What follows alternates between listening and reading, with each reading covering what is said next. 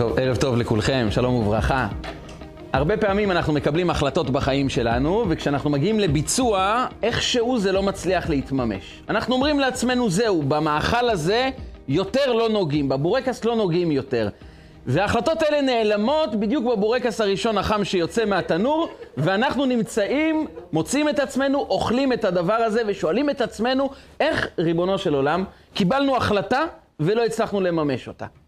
למה אנחנו עושים דברים שאנחנו מבינים שהם לא טובים עבורנו, ואנחנו מוצאים את עצמנו משועבדים לאיזה רצון לא מובן לבצע את הדבר שאנחנו יודעים שהוא לא טוב לנו, ובכל אופן אנחנו עושים את זה, ואחר כך אנחנו מלקים את עצמנו, ואנחנו כועסים על עצמנו, למה עשינו את הדבר הזה, למה לא התגברנו, ואז אנחנו אומרים לעצמנו את המשפט הבא, כנראה שאנחנו חלשי אופי.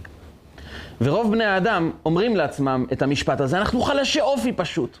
אבל האמת היא שיש משהו מצד אחד שאומר לנו אנחנו לא חלשי אופי, מצד שני יש שורש שאנחנו חייבים להכיר אותו, חייבים לברר אותו, וכשנכיר אותו נוכל למצוא את הדרך לשלוט על המחשבות שלנו, על ההחלטות שלנו. הרבה פעמים גם אנחנו מקבלים סוגי מחשבה שנכנסים לתוך המוח שלנו, לתוך החשיבה שלנו, ואנחנו רוצים לפנות את המחשבות הלא טובות, המעיקות, המחלישות, המדכאות. אנחנו אומרים לעצמנו, למה אני עכשיו כל כך לחוץ? למה אני עצבני? למה אני כועס? ואני לא רוצה להיות עם המחשבות הלא טובות של הקנאה, של השנאה, של הכעס, אבל המחשבות האלו כאילו קובעים, קובעות שביתה גרות אצלנו בתוך המוח ואנחנו לא מצליחים להשתחרר מהמחשבות האלו. אנחנו עבדים למחשבות, או שיש דרך לשלוט על המחשבות. באה פרשת השבוע ואומרת, יש דרך לשלוט על המחשבות שלנו. וכדי להבין את הדרך העמוקה הזו, אנחנו צריכים להבין את המצווה המפורסמת שנמצאת בפרשת השבוע שלנו. פרשת חוקת מספרת לנו על חוקת התורה. חוקת התורה זו מצוות פרה אדומה. ככה אומר הקדוש ברוך הוא למשה, תאמר אל בני ישראל, זאת חוקת התורה. יש חוק, יש מצווה, שהיא בעצם נקראת חוקת התורה, ויקחו אליך פרה אדומה, תמימה, אשר אין במום, אשר לא עלה עליה עול. את הפרה האדומה הזו תיקחו, ואיתה בתהליך שלם אתם תטהרו את המתים. והמצווה הזו נקראת חוקה מסיבה אחת פשוטה. זו המצווה היחידה בתורה שאין לה הבנה בכלל אצל אף אחד. חוץ ממשה רבנו, שהוא קיבל את ההבנה של המצווה הזו, את עומק הרעיון שיש במצווה, הוא קיבל את זה מהקדוש ברוך הוא, אף אחד לא הצליח להבין את המצווה הזו. אפילו שלמה המלך ייחד לזה פסוק מיוחד בספר קהלת. הוא אומר, אמרתי אחכמה והיא רחקה ממני. ניסיתי להבין את העומק של המצווה הזו, אומר המדרש, זה מופיע גם בגמרא, ניסיתי להבין, לפשפש בתוך עומק המצווה הזו, להבין מה היא באה לומר לנו, ולא הצלחתי להבין. אמרתי החכמה, אמרתי אני אחכים ויבין אותה, והיא רחקה ממני, תמיד התרחקה, והיא אמרה, אותי לא תבין. זו מצווה אחת, שהקדוש ברוך הוא אומר, את כל המצוות תוכלו להבין, מצווה אחת, אני לא אתן לכם להבין לעולם. זאת חוקת התורה, זה חוק, זה לא משפט, זה חוק. יש מצוות שמוגדרות כמשפטים, זה מצוות שאנחנו יכולים להבין אותן. בעשרת הדיברות, המצווה שאנחנו מאוד מבינים אותה, מאוד מזדהים איתה, מאוד מחוברים אליה, זה כבד את אביך ואת אמך. זו מצווה מאוד מובנת. אנחנו מחוברים למצווה הזו, אנחנו מרגישים שהמצווה הזאת היא מסר מאוד מאוד חשוב לחיים שלנו. אבל פרה אדומה, פרה אדומה היא מצווה לא מובנת. והמצוות הלא מובנות נקראים מצוות החוקים. ובתוך החוקים יש חכמים שהצליחו להבין חלק מהם, יש מהחכמים שהבינו את רובם, ויש את שלמה המלך שהבין את כולם חוץ מפרה אדומה. והמצווה הזו מופיעה בפרשת השבוע, וזה שמה של פרשת השבוע, חוקת. חוק. החוק הוא פרה אדומה, את זה אף אחד לא יוכל להבין. והמצווה הזו נקראת חוקת התורה. וזה פלא. זה דבר מאוד מאוד מוזר. דווקא המצווה שהיא לא מובנת, המצווה שאפילו החכם מכל אדם, שלמה המלך, לא הצליח להבין אותה, אומר הקדוש ברוך הוא, המצווה הזו, זו החוק, זה חוק שהוא מגדיר את כל התורה כולה. זאת חוקת התורה. אתם רוצים לשאול מהי המצווה שמייצגת את כל התורה כולה? זו המצווה הלא מובנת, פרה אדומה. והשאלה היא, למה דווקא המצווה שלא מובנת הופכת להיות ההגדרה של כל התורה כולה? יש לנו את קורבן פסח למשל, יש פסוק שאומר, זאת חוקת הפסח. כאן לא כתוב זאת חוקת הפרה, זאת חוקת התורה. כי התורה באה ואומרת לנו, אתם לא מבינים את המצווה. ההיגיון, המסר, עומק הטעם והסיבה של המצווה הזו לעולם לא תבינו. אבל אם תסתכלו על המצווה הזאת, אם תחשבו קצת על המצווה הזו שאתם לא מבינים אותה, אתם תוכלו לקבל את חוקת התורה, את הבסיס לקיום התורה. והבסיס שלנו כבני אדם, שיכולים לשלוט על המחשבות שלהם, להיות האנשים שמפעילים את העולם ולא נשלטים בידי העולם. אדם ששולט על המחשבות שלו והוא אדון על המעשים, ולא אדם שהוא קורבן ומשרת את עולם הרגשות והמחשבות, שהוא מבין שהוא צריך לשלוט עליהם, אבל הוא מוצא את עצמו, במקום כאדון על המחשבות, הוא מוצא את עצמו כמו סירה בין גלי הים, והוא הולך למקום שהמחשבות סוחבים אותו. ופרה אדומה באה ללמד אותנו את סוד השליטה במחשבות. כדי להבין את העומק הזה, יש סיפור מאוד מפורסם שמספרים לכל ילד שמתחיל ללמוד תורה ורוצים ללמד אותו את מצוות כיבוד אב ואם, מספרים לו את הסיפור הזה. סיפור שכל ילד עובר בגן שלו כבר. הסיפור הזה מופיע בכמה מקומות בתלמוד. בתלמוד ירושלמי הוא גם מופיע, במסכת פאה, בתלמוד הבבלי הוא מופיע במסכת קידושין, במסכת עבודה זרה. הוא מופיע כמה פעמים, אבל המקום שבו הוא מגיע בפירוט, זה דווקא בתלמוד הירושלמי, התלמוד שנכתב בארץ ישראל, במסכת פאה, במשנה הראשונה, מיד בהתחלה. וכך מספרת הגמרא. יום אחד באו התלמידים לרבי אליעזר ושאלו אותו, רבי, עד כמה צריכים לכבד הורים? עד איזה רמה אנחנו צריכים לכבד אותם? יש לך איזו הגדרה, כי כתוב בתורה, כבד את אביך ואת אמך, אבל אין גבול לכבוד שאפשר לעשות. יש איזה מדד, יש גבולות, יש... עד כמה צריכים לכבד אותם?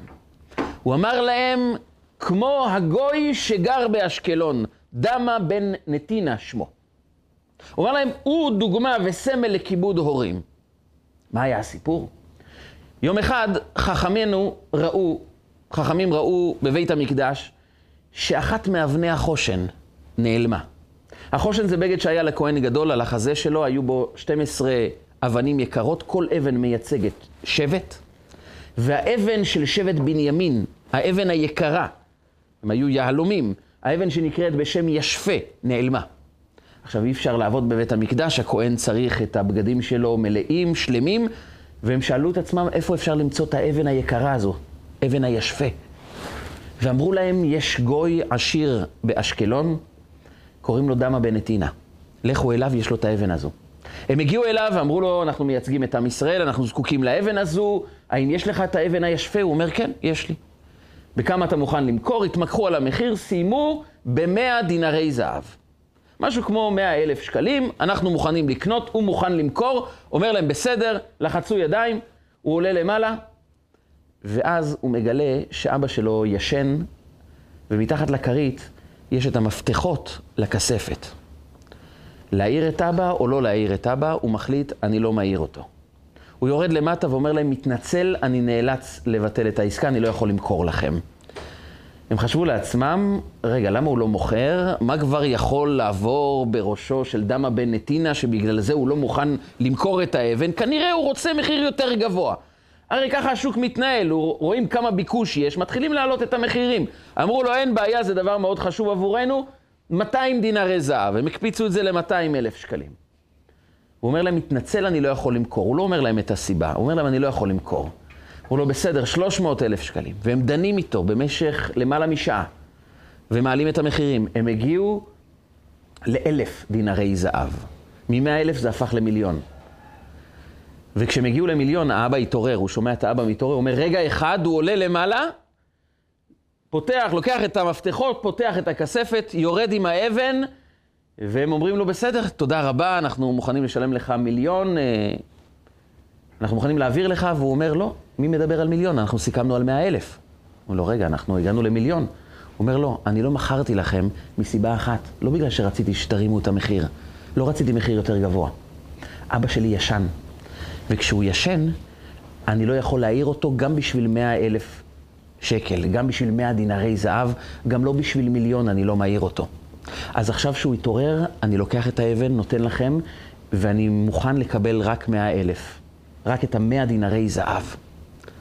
אמרו לו, אבל אנחנו לא מבינים, אתה יכול לקבל מיליון, למה אתה לא לוקח מיליון ואתה לוקח רק את המאה אלף? הוא אומר להם, אתם חושבים שאני אמכור את כבוד אבותיי בשביל כסף? לעולם בחיים אני לא אמכור את הכבוד של אבא שלי בשום הון שבעולם. מה שסיכמנו זה מה שאני לוקח. את המאה דינרי זהב, זה אני לוקח, ויותר אני לא לוקח שום דבר, כי בחיים אני לא אמכור את כבוד אבותיי.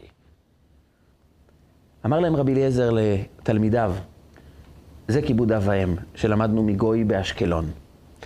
והתלמוד ממשיך ומספר לנו שהקדוש ברוך הוא נתן לו שכר על כיבוד האב והאם שלו.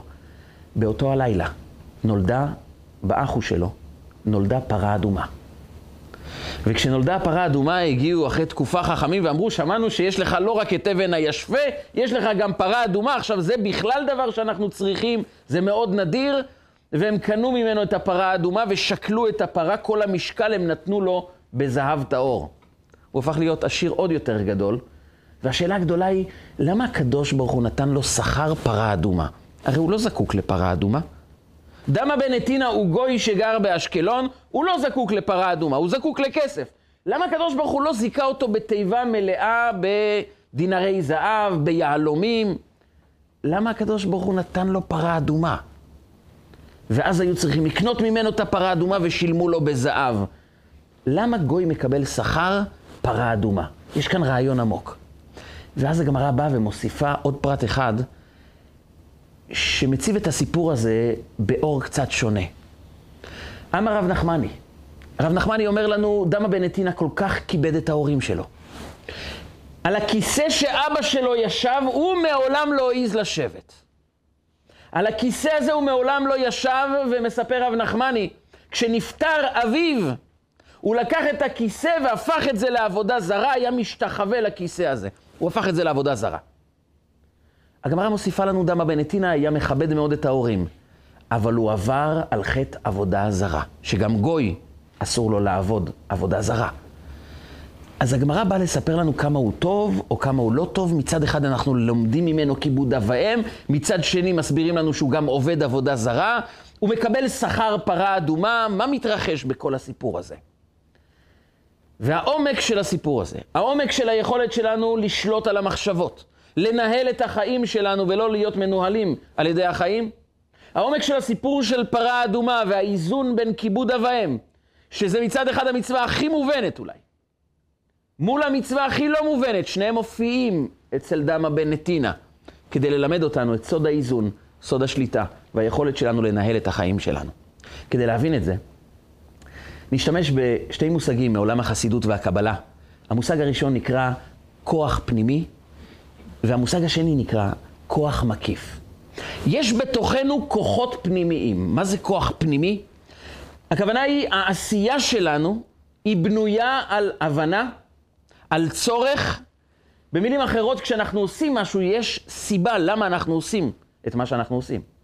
למשל, אם שואלים אדם למה אתה הולך לעבודה, התשובה הפשוטה תהיה, אני רוצה להרוויח כסף, לפרנס את המשפחה שלי. אני צריך להחזיק משפחה, אני הולך לעבודה, רוצה את המשכורת בסוף החודש, וזו הסיבה שאני הולך לעבודה. לא מעט מהאנשים הולכים לעבודה רק בשביל המשכורת שמקבלים בסוף החודש. אם הוא יזכה בלוטו, הוא יותר לא ידרוך בעבודה. חוץ מכדי לקבל את המשכורת האחרונה. אז הוא כן יהיה מוכן לבוא לעבודה, אבל חוץ מזה הוא לא מעוניין לראות את העבודה שלו יותר. מדוע? הוא אומר, אני נמצא כאן בגלל סיבה. יש סיבה למה אני נמצא בעבודה, והסיבה היא מחזיקה אותי בעבודה. אם אני לא אקבל כאן משכורת, אין לי שום דבר לחפש במקום הזה. אני עובד כאן כדי למלא צורך. יש סיבה. זה נקרא כוח פנימי. כוח פנימי זה מבוסס על הבנה, על רגש, על עשייה, על צורך. זה נקרא בעצם רובד הנפש, רוח, נשמה. זה בעצם עשייה, רגשות, שבנויות על שכל, שמסביר לנו יש צורך, ולכן אתה רוצה את העבודה הזו, לכן אתה משתוקק לקבל את העבודה, כי אתה יודע שתקבל משכורת גבוהה יותר, אתה תוכל לשדרג את המעמד שלך, ואז תוכל להחזיק את המשפחה ולהיות שלב יותר בחיים. במילים אחרות, יש סיבה למה אני הולך לעבודה. אותו דבר גם אדם אוכל כי הוא צריך להיות בריא, הוא לא רוצה להיות רעב, הוא שותה כי הוא צמא, הוא מתלבש כי הוא חייב לצאת החוצה עם בגדים, הוא רוצה לחמם את עצמו בחורף. יש בעצם סיבה מדוע הוא עושה את הפעולה, וכאן ההבנה העמוקה. כשאני עושה דבר בגלל, אני לא קשור לדבר עצמו, אלא הדבר הוא משרת את הצרכים שלי. לכן כאשר אנחנו מדברים על אהבה בין בני אדם, האהבה תלויה בדבר, זו לא אהבה מומלצת. כי כאשר זה תלוי סיבה, אז אני לא אוהב את האדם, אני זקוק לסיבה, למה שאני מרוויח ממנו. זאת אומרת, אם אדם הוא חבר עם החבר שלו, או אדם מתחתן כדי להרוויח משהו, הקשר הזה הוא לא קשר אמיתי.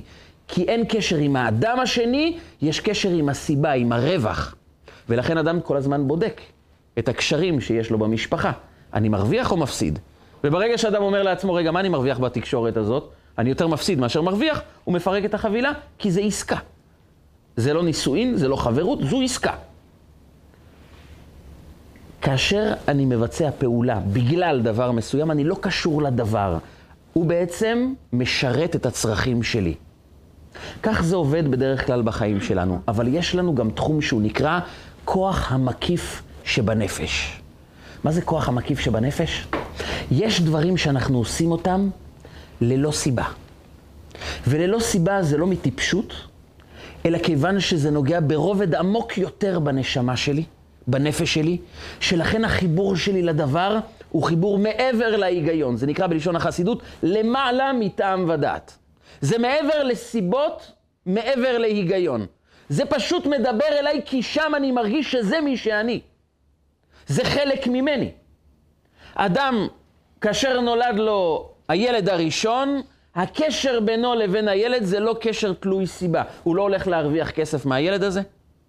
גם החוויות, החוויה של ההורות, שהיא מאוד נעימה, לא זה עומק הקשר שלו עם הילדים. הוא הולך לקום בלילה, הוא לא הולך לישון, הוא הולך להוציא המון כספים. הילד הולך גם לשגע אותו לא מעט פעמים. כששואלים אה, אבא או אמא שמתעוררים באמצע הלילה לילד צורח ואומרים לו, מה אתם מרוויחים מהילד? אין להם כל כך מה לענות, מה הם מרוויחים. ברגע הזה קשה להם. אבל בעומק הנפש הם קשורים לילד. הם רוצים אותו, והקשר הוא ברובד המקיף של הנפש, זה למעלה מהיגיון. זה מי שאנחנו. הילד ואנחנו זה דבר אחד. וגם החוויה לא היא זו שמחברת בינינו. ההוכחה המפורסמת לזה זה משפט שלמה. כשמגיעות שתי אנשים מול שלמה המלך, ושלמה המלך צריך לברר מי האימא האמיתית, הוא אומר, תחתכו אותו. והאימא האמיתית צורחת ואומרת, אל תחתכו אותו, אל תהרגו אותו, תנו לה אותו. גם אם אני אפסיד את החוויה של לגדל את הילד הזה, אני רוצה שהוא יחיה. אבל מה תרוויחי? את לא תראי אותו, את לא תכיר אותו, את לא תזכי להיות האימא שלו. אבל הקשר שלי ושלו זה לא קשר שבנוי על סיבה, על היגיון, על איזה רעיון. זה בנוי כי אני והוא חלק אחד. זה המקיף של הנפש. זה מי שאנחנו. כשאנחנו רוצים לבדוק מי האדם, אנחנו צריכים לשאול את עצמנו שאלה אחת, או רוצים לבדוק מי אנחנו. מה הדבר שאנחנו עושים גם כשאין לו סיבה? למה אנחנו קשורים בתשוקה שהיא מעבר להיגיון? אנחנו פשוט עושים את הדבר הזה כי זה חלק מאיתנו. וכאן מגיעה השאלה הגדולה על היחס בינינו לבין העולם. כי הקשר שלנו אל העולם יכול להיות ברובד מאוד פשוט. אני הולך לעבודה כי אני צריך פרנסה. אז העבודה זה לא החיים שלי. אני זה לא העבודה. העבודה היא משרתת אותי, ככה אני יכול דרך העבודה לקבל כסף ולפרנס את המשפחה ולהשקיע את החיים ביעד האמיתי של החיים שלי. אני אוכל כיוון שאני צריך להיות בריא, זה משרת אותי, הגוף עובד כמו שצריך, אני יכול לממש את המטרות של החיים שלי. כך זה גם עם הבגדים. אבל כאן מגיע הכוח המקיף שבנפש הבהמית. מסבירה החסידות שהנפש הבעמית לעולם לא נעצרת רק ברובד של יש לי צורך ואני מממשת את הצורך. לעולם זה לא יהיה רק עבודה ואז אני מרוויח כסף ואני פנוי לחיות את החיים. יש שלב מסוים שאנחנו מתחילים להתמכר או לעבודה, או לאוכל, או לבגדים, או בכלל להנאות העולם. זה עובר מרובד שאני משתמש בעולם לצורך האישי שלי, ואז אני מנהל את העולם. אז אני בודק מה העולם משרת אותי, ולפעמים זה עובר שלב. זה עובר שלב, לפעמים בן אדם מתמכר לעבודה, הוא עובד לא רק כדי להתפרנס, הוא עובד שעות נוספות. הוא מתחיל לשכוח מהמשפחה שלו, הוא מתחיל להזניח את היחסים המשפחתיים שלו, את התקשורת עם אשתו, עם הילדים, או האישה עם בעלה.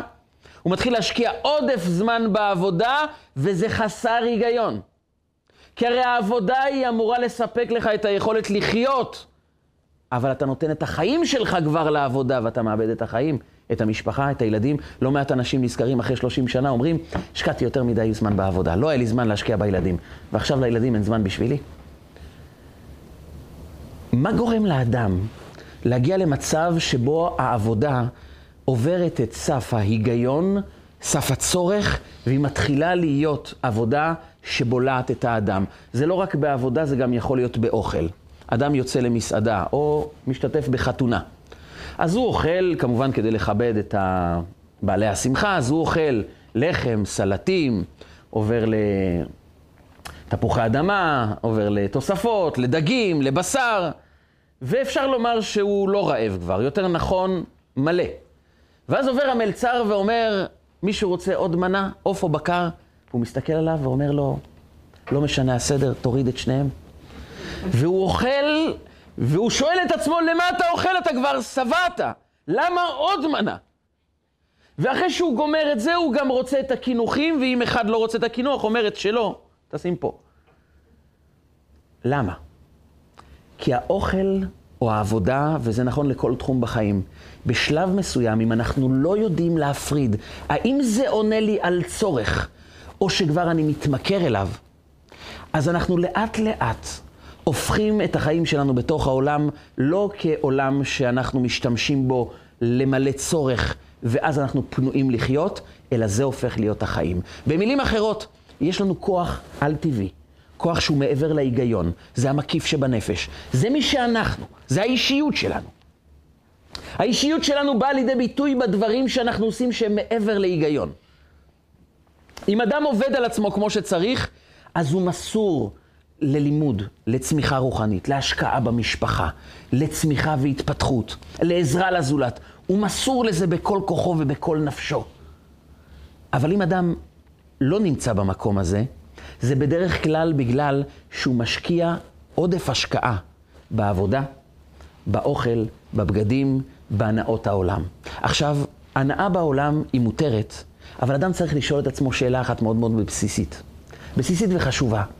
האם זה בא לענות לי על צורך, זה בא לשרת אותי, או שאני מתחיל להתמסר לזה? כי כוח המקיף שבנפש, שזה האישיות שלנו, יכולה להתחיל להתחבר להנאות העולם, לתאוות, לסיפוקים, ואז אנחנו הופכים לחיות בחיים של ריגושים, ושם אנחנו מוצאים את האישיות שלנו. לאט לאט, אבל בטוח, האישיות שלנו מתחילה לעבור לעולם של ריגושים. כל יום אנחנו צריכים ריגוש אחר. איזה מאכל מאוד טעים, איזה בגד מאוד חדש. יש תרבות שהיא מופיעה הרבה באמריקה, אבל האמת שזה נמצא בכל מקום. תרבות של שופינג. שופינג זה קניות גם אם אני לא צריך לקנות. אני פשוט הולך לקנות כי זו חוויה. אבל אתה לא צריך את הקנייה. אבל יש עניין לקנות. פעם הוזמנתי לאירוע של בר מצווה, סדר היום היה כך: הנחת תפילין בכותל המערבי, ארוחת בוקר קלילה, הסעה למרכז מסחרי, קניות, שעתיים, קניות. אחר כך ארוחת צהריים בבית מלון. אני שואל את אשתי, אבל אנחנו לא זקוקים לקנות שום דבר, מה אנחנו אמורים לעשות? אז היא באמת ביררה, והיא אמרה שזה לא אמור לענות על צורך, זה חוויה של קניות. יש מרכז מסחרי מאוד יפה והולכים לקנות. אמרתי, אבל למה לקנות אם אין צורך לקנות? אמרתי, אבל זה חוויה, זו תרבות. הכוונה היא לא שבאים לומר לאדם, לא תחיה בצמצום, אל תהנה, אבל אדם צריך לשאול את עצמו, רגע, האם המעבר של המקיף שבנפש, של האישיות שלי, מתחיל להתמכר לקניות ללא צורך, לאכילה ללא צורך, להנאות ללא צורך, לעבודה ללא הגבלה, ואדם יכול להיות שהוא בגיל 80, שוכבים לו בחשבון הבנק נזיל 500 מיליון שקל, והוא עדיין קם לעבודה ועובד ללא הפסקה. ושואלים אותו למה? הוא אומר, כי צריך כסף. אתה אומר, אבל יש לך מספיק גם לנינים. הוא אומר, לא, זה לא מספיק, צריך עוד. הכוונה היא, אם הוא עובד כי הוא רוצה יותר כסף כדי לתת, ויש לו סיבה אמיתית, אבל הרבה פעמים אנחנו לא מוצאים את האיזון בין הנאות בעולם, התמסרות לעבודה, קניות ורכישות שבאים לענות על צורך, לבין כבר העברה של האישיות שלנו, של הרובד המקיף שבנפש. של הרובד שהוא האישיות שלנו, שזה מי שאנחנו. שאנחנו רק צריכים לבחור מי אנחנו, איפה אני מוצא את עצמי. ויש לא מעט בני אדם שמוצאים את עצמם ברדיפה מתמדת אחרי כמה שיותר מסעדות, כמה שיותר ארוחות, כמה שיותר בגדים, כמה שיותר נסיעות. הם צריכים את זה כי הם חיים כבר בעולם של ריגושים, רובד הנפש. העומק של הנפש, המקיף של הנפש, עבר לתחום הריגוש. ואז אדם מאוד נהנה. אבל הוא לא שם לב שהוא מפסיד את החיים שלו, כיוון שהוא חי בעולם של ריגושים. וכאשר עולם הריגושים הוא לא המשרת שלי, אלא אני כבר הפכתי את האישיות שלי לעולם של ריגושים, הרגש שולט. ומה קורה כשהרגש שולט? אז אדם מקבל החלטה ולא מצליח לעמוד בה מסיבה אחת. הרגש שולט. ואם הרגש שולט, אני יכול לבחור עד מחר, שממחר אני מתחיל בדיאטה. אבל זה לא יעמוד במבחן הרגש. כי הרגש הוא שולט. העברתי את תחום המקיף שבנפש לתחום של ההנאות, של הריגושים, של ההתלהבות. ואדם שחי בעולם של ריגושים, הריגושים לא באים לשרת אותו, הריגושים שולטים עליו.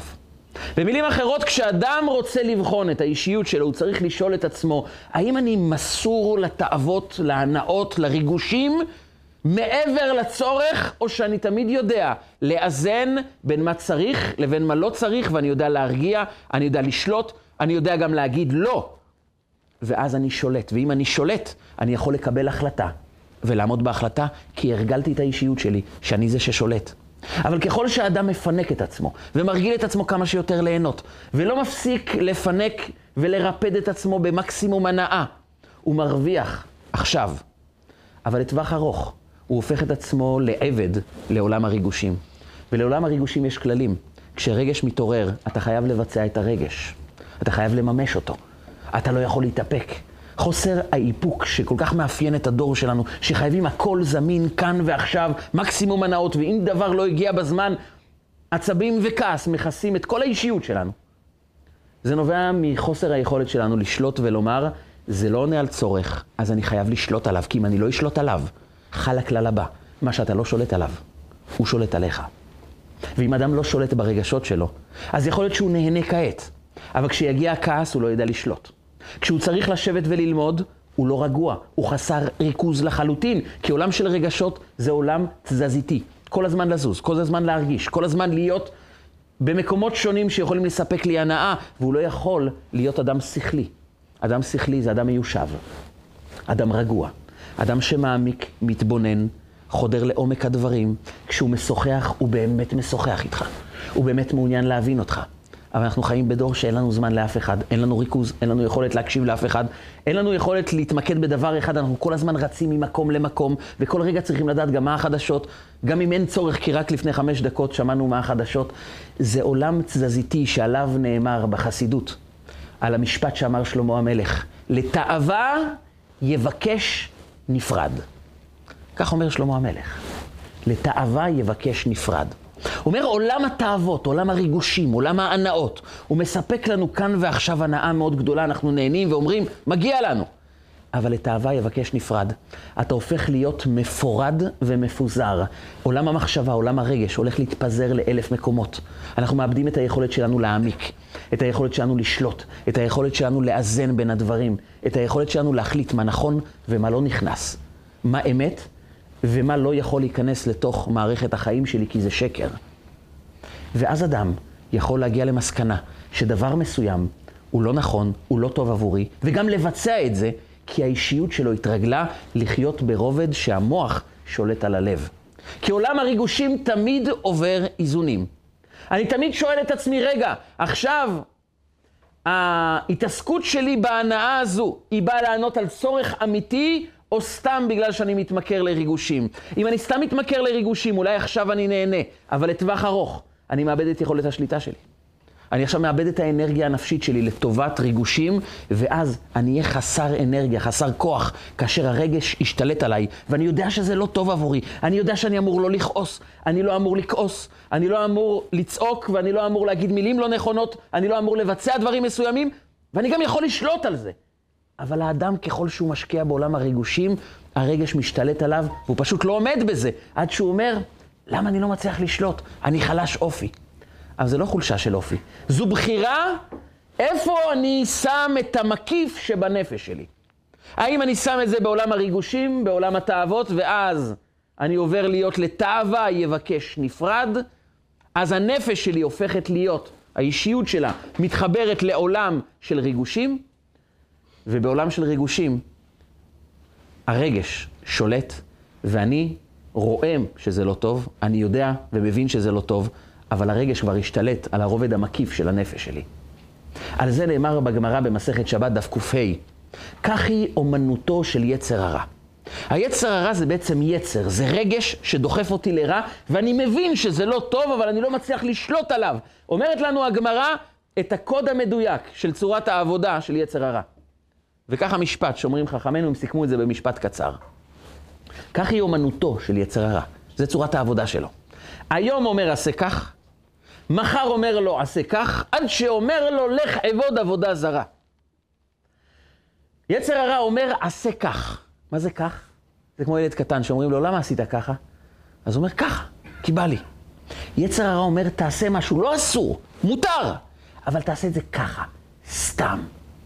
כי יצר הרע מרוויח רווח גדול מאוד כשאנחנו עושים דברים סתם.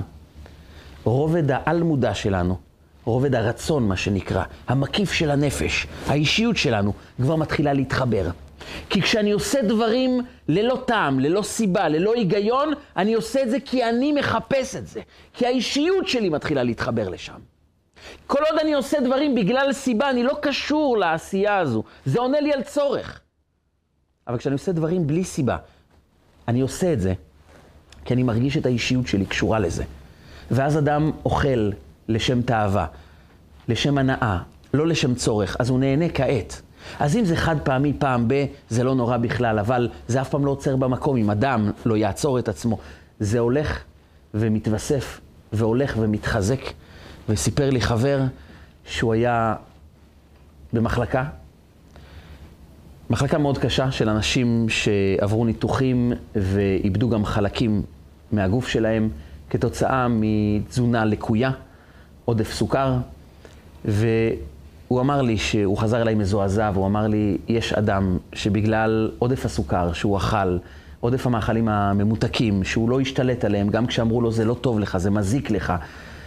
ואחרי הניתוח, אחרי שהוא עבר כל כך הרבה סבל, הוא התאושש והוא ביקש ללכת למקום אחד, שיקחו אותו על כיסא גלגלים לקנות גלידה. הוא רצה להמשיך לאכול את המאכלים האלו. זה בשלב מסוים יכול לעבור למקום שאדם מבין שזה מזיק לו, אבל הוא לא מוצא מספיק כוחות לשלוט על זה, כי זה מה שקורה כשיצר הרע אומר, תעשה ככה, סתם תהנה. ועוד פעם סתם תהנה. ואז יצר הרע לאט לאט נועל אותנו בתוך מערכת חיים של ריגושים, של הנאות, של סתם אני רוצה ליהנות, זה לא עונה על צורך, אבל אני כבר חלק מהסיפור, ואז הוא אומר לאדם, לך עבוד עבודה זרה, אני מבטיח לך המון הנאה. ואדם אומר, אבל זה לא טוב עבורי. אבל התחמושת אזלה. אין לו כבר יכולת לשלוט על הרגשות, כי הוא הרגיל את האישיות שלו לחיות ברובד, ברובד של סתם ריגושים. ולכן, אדם צריך לשאול את עצמו, האם אני יודע לאזן סתם ריגושים? זה לא שאלה של סגפנות, של סתם לסבול, של לא ליהנות מהחיים, להפך, זו שאלה שאמורה לספק לנו את היכולת לשלוט על החיים, להתרכז, להשקיע בשיחות אמיתיות עם המשפחה שלנו, לדעת מתי לעצור את העבודה ולהשקיע במשפחה. לדעת מתי לעצור, מתי לעצור את הסחף הרגשי שיש לי ולהגיד לא, סטופ, אני יודע לשלוט על הכעס, על הרגשות שלי ואני יודע לחכות עם מה שצריך, לומר לא עכשיו, בעוד יומיים, יש לי מספיק כוח לשלוט. יש לי גם מספיק כוח לשלוט על עולם המחשבה, גם כשנכנסות מחשבות לא טובות, לא נעימות. כתוצאה מאירועים לא נעימים שמתרחשים סביבנו, אז אדם לא נכנס לעודף מתח, לעודף לחץ שרק מזיק לו, אלא הוא יודע לשלוט על המחשבות, ויודע, המחשבה הזאת, אני יודע להגיד, את לא נכנסת, אני מכניס מחשבות טובות, מעצימות, משפטים טובים, חיים של אווירה טובה, ואני יודע לשים דברים בצד, כי זו המתנה הגדולה שמקבל אדם שיודע שהמשפט לתאווה יבקש נפרד. עולם התאוות, עולם הסיפוקים, הוא רק הופך אותנו לצרכנים יותר גדולים של הסיפוקים. אנחנו מתמכרים אליהם, מתמסרים אליהם, ואנחנו לא יודעים להגיד לא. עברתי לא מזמן ליד משאית שהעבירה חבילה של ממתקים והפרסומת זעזעה אותי מאוד. טבעי שלא תוכל לעצור.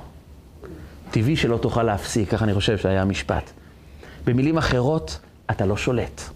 זה מהות הפרסומות, שבאים להרגיל אותנו להיות צרכנים של התאוות, של ההנאות, של הסיפוקים, ואז אנחנו נהיה צרכנים מאוד נאמנים, כל יום אנחנו נקנה ללא הפסקה.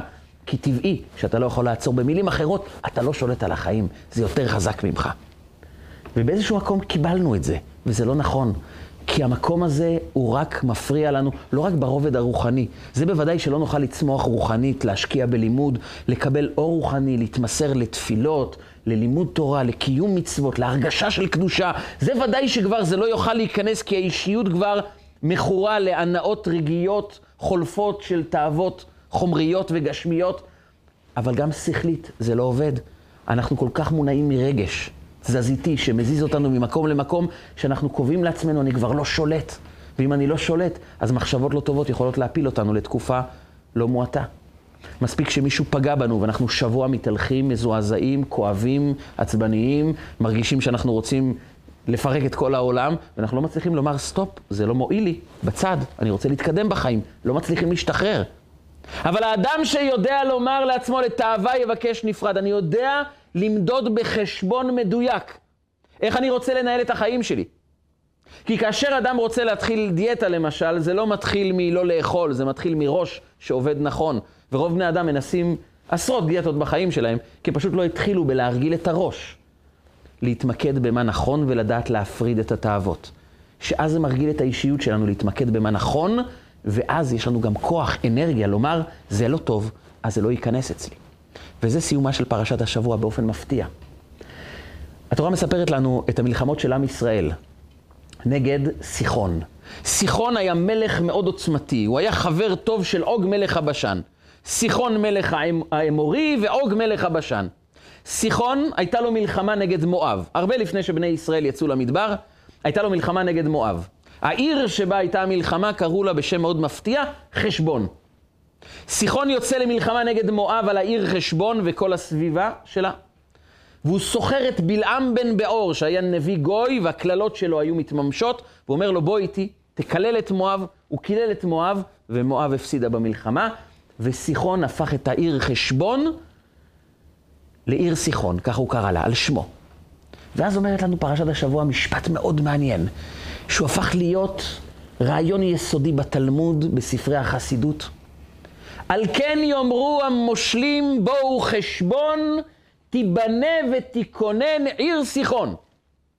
הפירוש הפשוט זה על כן יאמרו המושלים, המושלים זה אלו שאוהבים לדבר במשל, זה היה בלעם ואבא שלו, בעור. הם היו תמיד מדברים במשלים.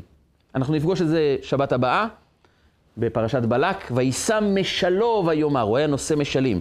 אומרת לנו התורה, בלעם ובאור עמדו ואמרו, על כן יאמרו המושלים, אלה שמושלים משלים, בואו חשבון, תיכנסו לעיר חשבון, תיבנה ותיכונן עיר סיחון. עכשיו זה כבר הפך להיות סיחון. ועל המשפט הזה אומרת הגמרא את המשפט הבא. הגמרא במסכת בבא בתרא אומרת שכך דרשו חכמים את הפסוק. על כן יאמרו המושלים, אלו המושלים ביצרם. האנשים ששולטים על היצרים.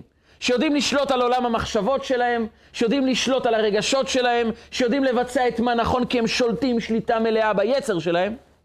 על כן יאמרו המושלים, יש סוד אחד, איך תהיה מושל? בואו חשבון. בואו נחשוב חשבונו של עולם. הפסד מצווה כנגד שכרה, ושכר עבירה כנגד הפסדה. המושל יש לו חשיבה של חשבון, הוא עושה חשבון פשוט. הפסד מצווה, אני אקיים את המצווה, מה אני מפסיד? מפסיד קצת אנרגיה, מפסיד קצת זמן, קצת סבלנות, אבל השכר שאני אקבל. אל תתמקד רק במה החוויה שלך עכשיו. אני אהנה מזה, לא אהנה מזה. ת, תסתכל לטווח ארוך. השכר שלך הוא מאוד גדול. וכך גם על העבירה. הוא שכר עבירה כנגד הפסדה. נכון שעכשיו תהנה מהעבירה, אבל אתה הולך לשלם על זה לטווח ארוך. נכון שעכשיו אתה מספק את הריגוש שלך, נכון שעכשיו אתה נהנה ואומר, מי כמוני, כמה טוב לי. אבל לטווח ארוך מכרת את החיים שלך לתאוות, לריגושים. וזה מתנקם בטווח ארוך, כי כשהרגש ישלוט עלינו, לא נוכל להגיד לו לא.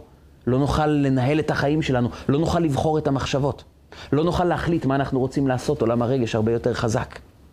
ויש סוד במשפט שלהם. בואו חשבון.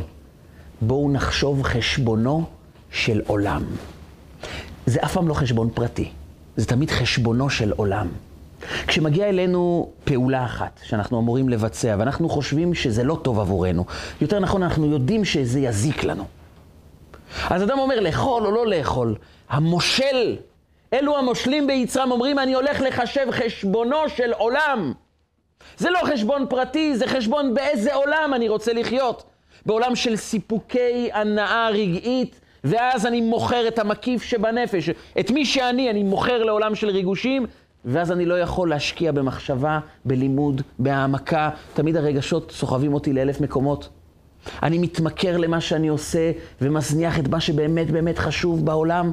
וכמה אנשים מתחרטים על דברים שהם עשו במשך החיים ואומרים, למה נפלתי בזה? ואיבדתי את הדברים הבאמת באמת חשובים בחיים, למה? כי לא חשבנו את חשבונו של עולם. המושלים ביצרם אומרים, אני לא בודק רק את המעשה הזה, אני מבין שהחשבון הפרטי הזה זה חשבון של העולם שאני הולך לחיות בו. זה לעולם לא יהיה חשבון פרטי, זה תמיד חשבון כללי. על כן יאמרו המושלים. אלו המושלים ביצרם. בואו חשבון, בואו נחשוב חשבונו של עולם. בואו נבין קודם כל שמעשה קטן שאנחנו עושים, יש לו משמעות אדירה על כל החיים שלנו. אז נכון שאנחנו לא הופכים מחר בבוקר להיות צדיקים גמורים, אבל אנחנו יכולים להחליט החלטה אחת. בתאווה הבאה, אנחנו אמורים לשאול את עצמנו, על איזה צורך זה עונה? ואם זה לא עונה על צורך, אני חייב לזהות את הנורה האדומה שנדלקת. האם אני מוכר את החיים שלי לתאווה, או שאני הולך לאזן אותה. אולי לא צריך לוותר עליה לגמרי, אבל שתי אחוז אני יכול להוריד. אני רוצה לבטא לעולם, או יותר נכון לבטא בתוך הנפש, שאני לא מוכר את עצמי לגמרי, אני הולך לאזן. אז גם אם אני הולך ליהנות, יש חלק קטן שאני הולך להעניק למשהו בעל ערך ולהוריד מהתאווה כדי להעביר את המסר. אני שולט על החיים ולא עולם הריגושים שולט עליי. וזה היה הסוד של סיפורו של דמה בן נתינה. הוא כיבד אב ואם בצורה מופלאה. רבי אלעזר אמר לתלמידים שלו, תלמדו ממנו עד איזה גובה אפשר להגיע בכיבוד אב ואם. אבל יש בעיה אחת, הוא עשה את זה כי הוא מבין, כי זה עונה לו על צורך, כי הוא מרגיש שזה טוב עבורו. הוא הפך את כיבוד אב ואם לעבודה זרה. הוא נשאר תמיד ברובד הטבעי שלו. כל עוד שזה הגיוני, אני עושה את זה. ואז הופך לעבודה זרה. כי הוא לא ביקש אמת, הוא ביקש את הריגוש הפרטי שלו. ואדם יכול לעשות מעשים מאוד טובים כרגש פרטי שלו. וזה עדיין לא התמסרות לאמת. זה עדיין לא בקשה של מה שנכון באמת בחיים. כי כל עוד האדם עובד על פי ריגוש טבעי, אז הוא מכור לריגוש טבעי, ואז הוא גם יכול ללכת לעבוד עבודה זרה. ואז נולדה לו פרה אדומה. כדי להראות לעם ישראל, נכון, הוא הגיע לרמה מאוד גבוהה של כיבוד אב וזה מאוד יפה, אבל הוא תמיד נמצא בתחום הריגוש, בתחום ההבנה הפרטית שלו, מה שמתאים לו, את זה הוא עושה מעולה. אבל הוא לעולם לא יצלח את המשוכה הזאת של מה שאני אוהב, מה שאני נהנה, מה שטוב לי, אלא אני מתקדם גם למה שבאמת נכון, במה שגם מעבר לעולם הרגשות שלי. ואיפה זה מתבטא? במצוות פרה אדומה. מצוות פרה אדומה, הקדוש ברוך הוא בא ואומר לנו, יש מצווה אחת שאני רוצה שתעשו אותה, סתם, כי אני ביקשתי. כי זה יבטא את עומק הקשר שלי ושלכם. שאתם לא עושים את המצווה כי זה מעניק לכם שכר, כי אז לא המצווה מעניינת אתכם, לא הקשר עם הקדוש ברוך הוא מעניין אתכם, אלא הריגוש, ההנאה, השכר הרוחני, אבל בסופו של יום אתם מסתכלים על עצמכם.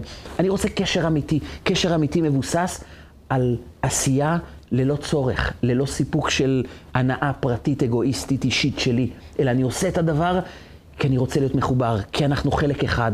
והמצווה הזו של פרה אדומה, היא בעצם מצווה שהקדוש ברוך הוא אומר, אותה אתם לא תבינו. למה תעשו? כי אני ואתם דבר אחד. אנחנו משפחה, אנחנו דבר אחד. ולכן אין צורך, אין סיבה, אין היגיון, לא צריכים את זה, כי זה כבר ברובד הרבה יותר גבוה. והרובד הזה הוא בעצם הרובד שלנו, היכולת שלנו, להיות מחוברים באמת לאמת, לצדק, ליושר, לעשייה של קדושה וטהרה, אבל זה מגיע רק אחרי שידענו לנטרל את המשיכה, את עודף המשיכה, את עודף ההתמסרות להנאות ולתאוות הגשמיות והחומריות שמציבות אותנו בתוך עולם של ריגושים, וכאשר אנחנו ידענו לעשות חשבון, כמה הפסד אנחנו מגיעים בצורת החיים הזו, כמה אנחנו מאבדים שליטה על החיים, כמה זה בולע אותנו ולא מאפשר לנו להיות מי שאנחנו. כאשר אני עושה את החשבון הזה, אני יכול לעבור לרובד האמיתי של העל-טבעי, של המשיכה האמיתית אל הקדושה, אל הטוב, אל האמת, וזה סודה של פרה אדומה. זאת חוקת התורה. אנחנו עושים את הדברים לא רק ברובד של האינטרסים, אלא כחיבור. פרה אדומה, היא נקראת חוקת התורה, זה גם מלשון חקיקה. כי מתי אנחנו חוקקים את הקדושה ואת הטוב בתוך הנפש שלנו? כאשר אנחנו מוכנים להתמסר למצוות, לא רק כאשר זה מספק לנו איזה צורך אישי, אלא כאמת, כמשהו נכון, כהרגשה שזה חיבור לנפש שלנו. דמה בנתינה הצליח לעשות כיבוד אב ואם בצורה מאוד מיוחדת, אבל הוא גם הגיע לעבודה זרה, כי זה היה תמיד בתחום המודע שלו, בתחום הריגוש הפרטי שלו.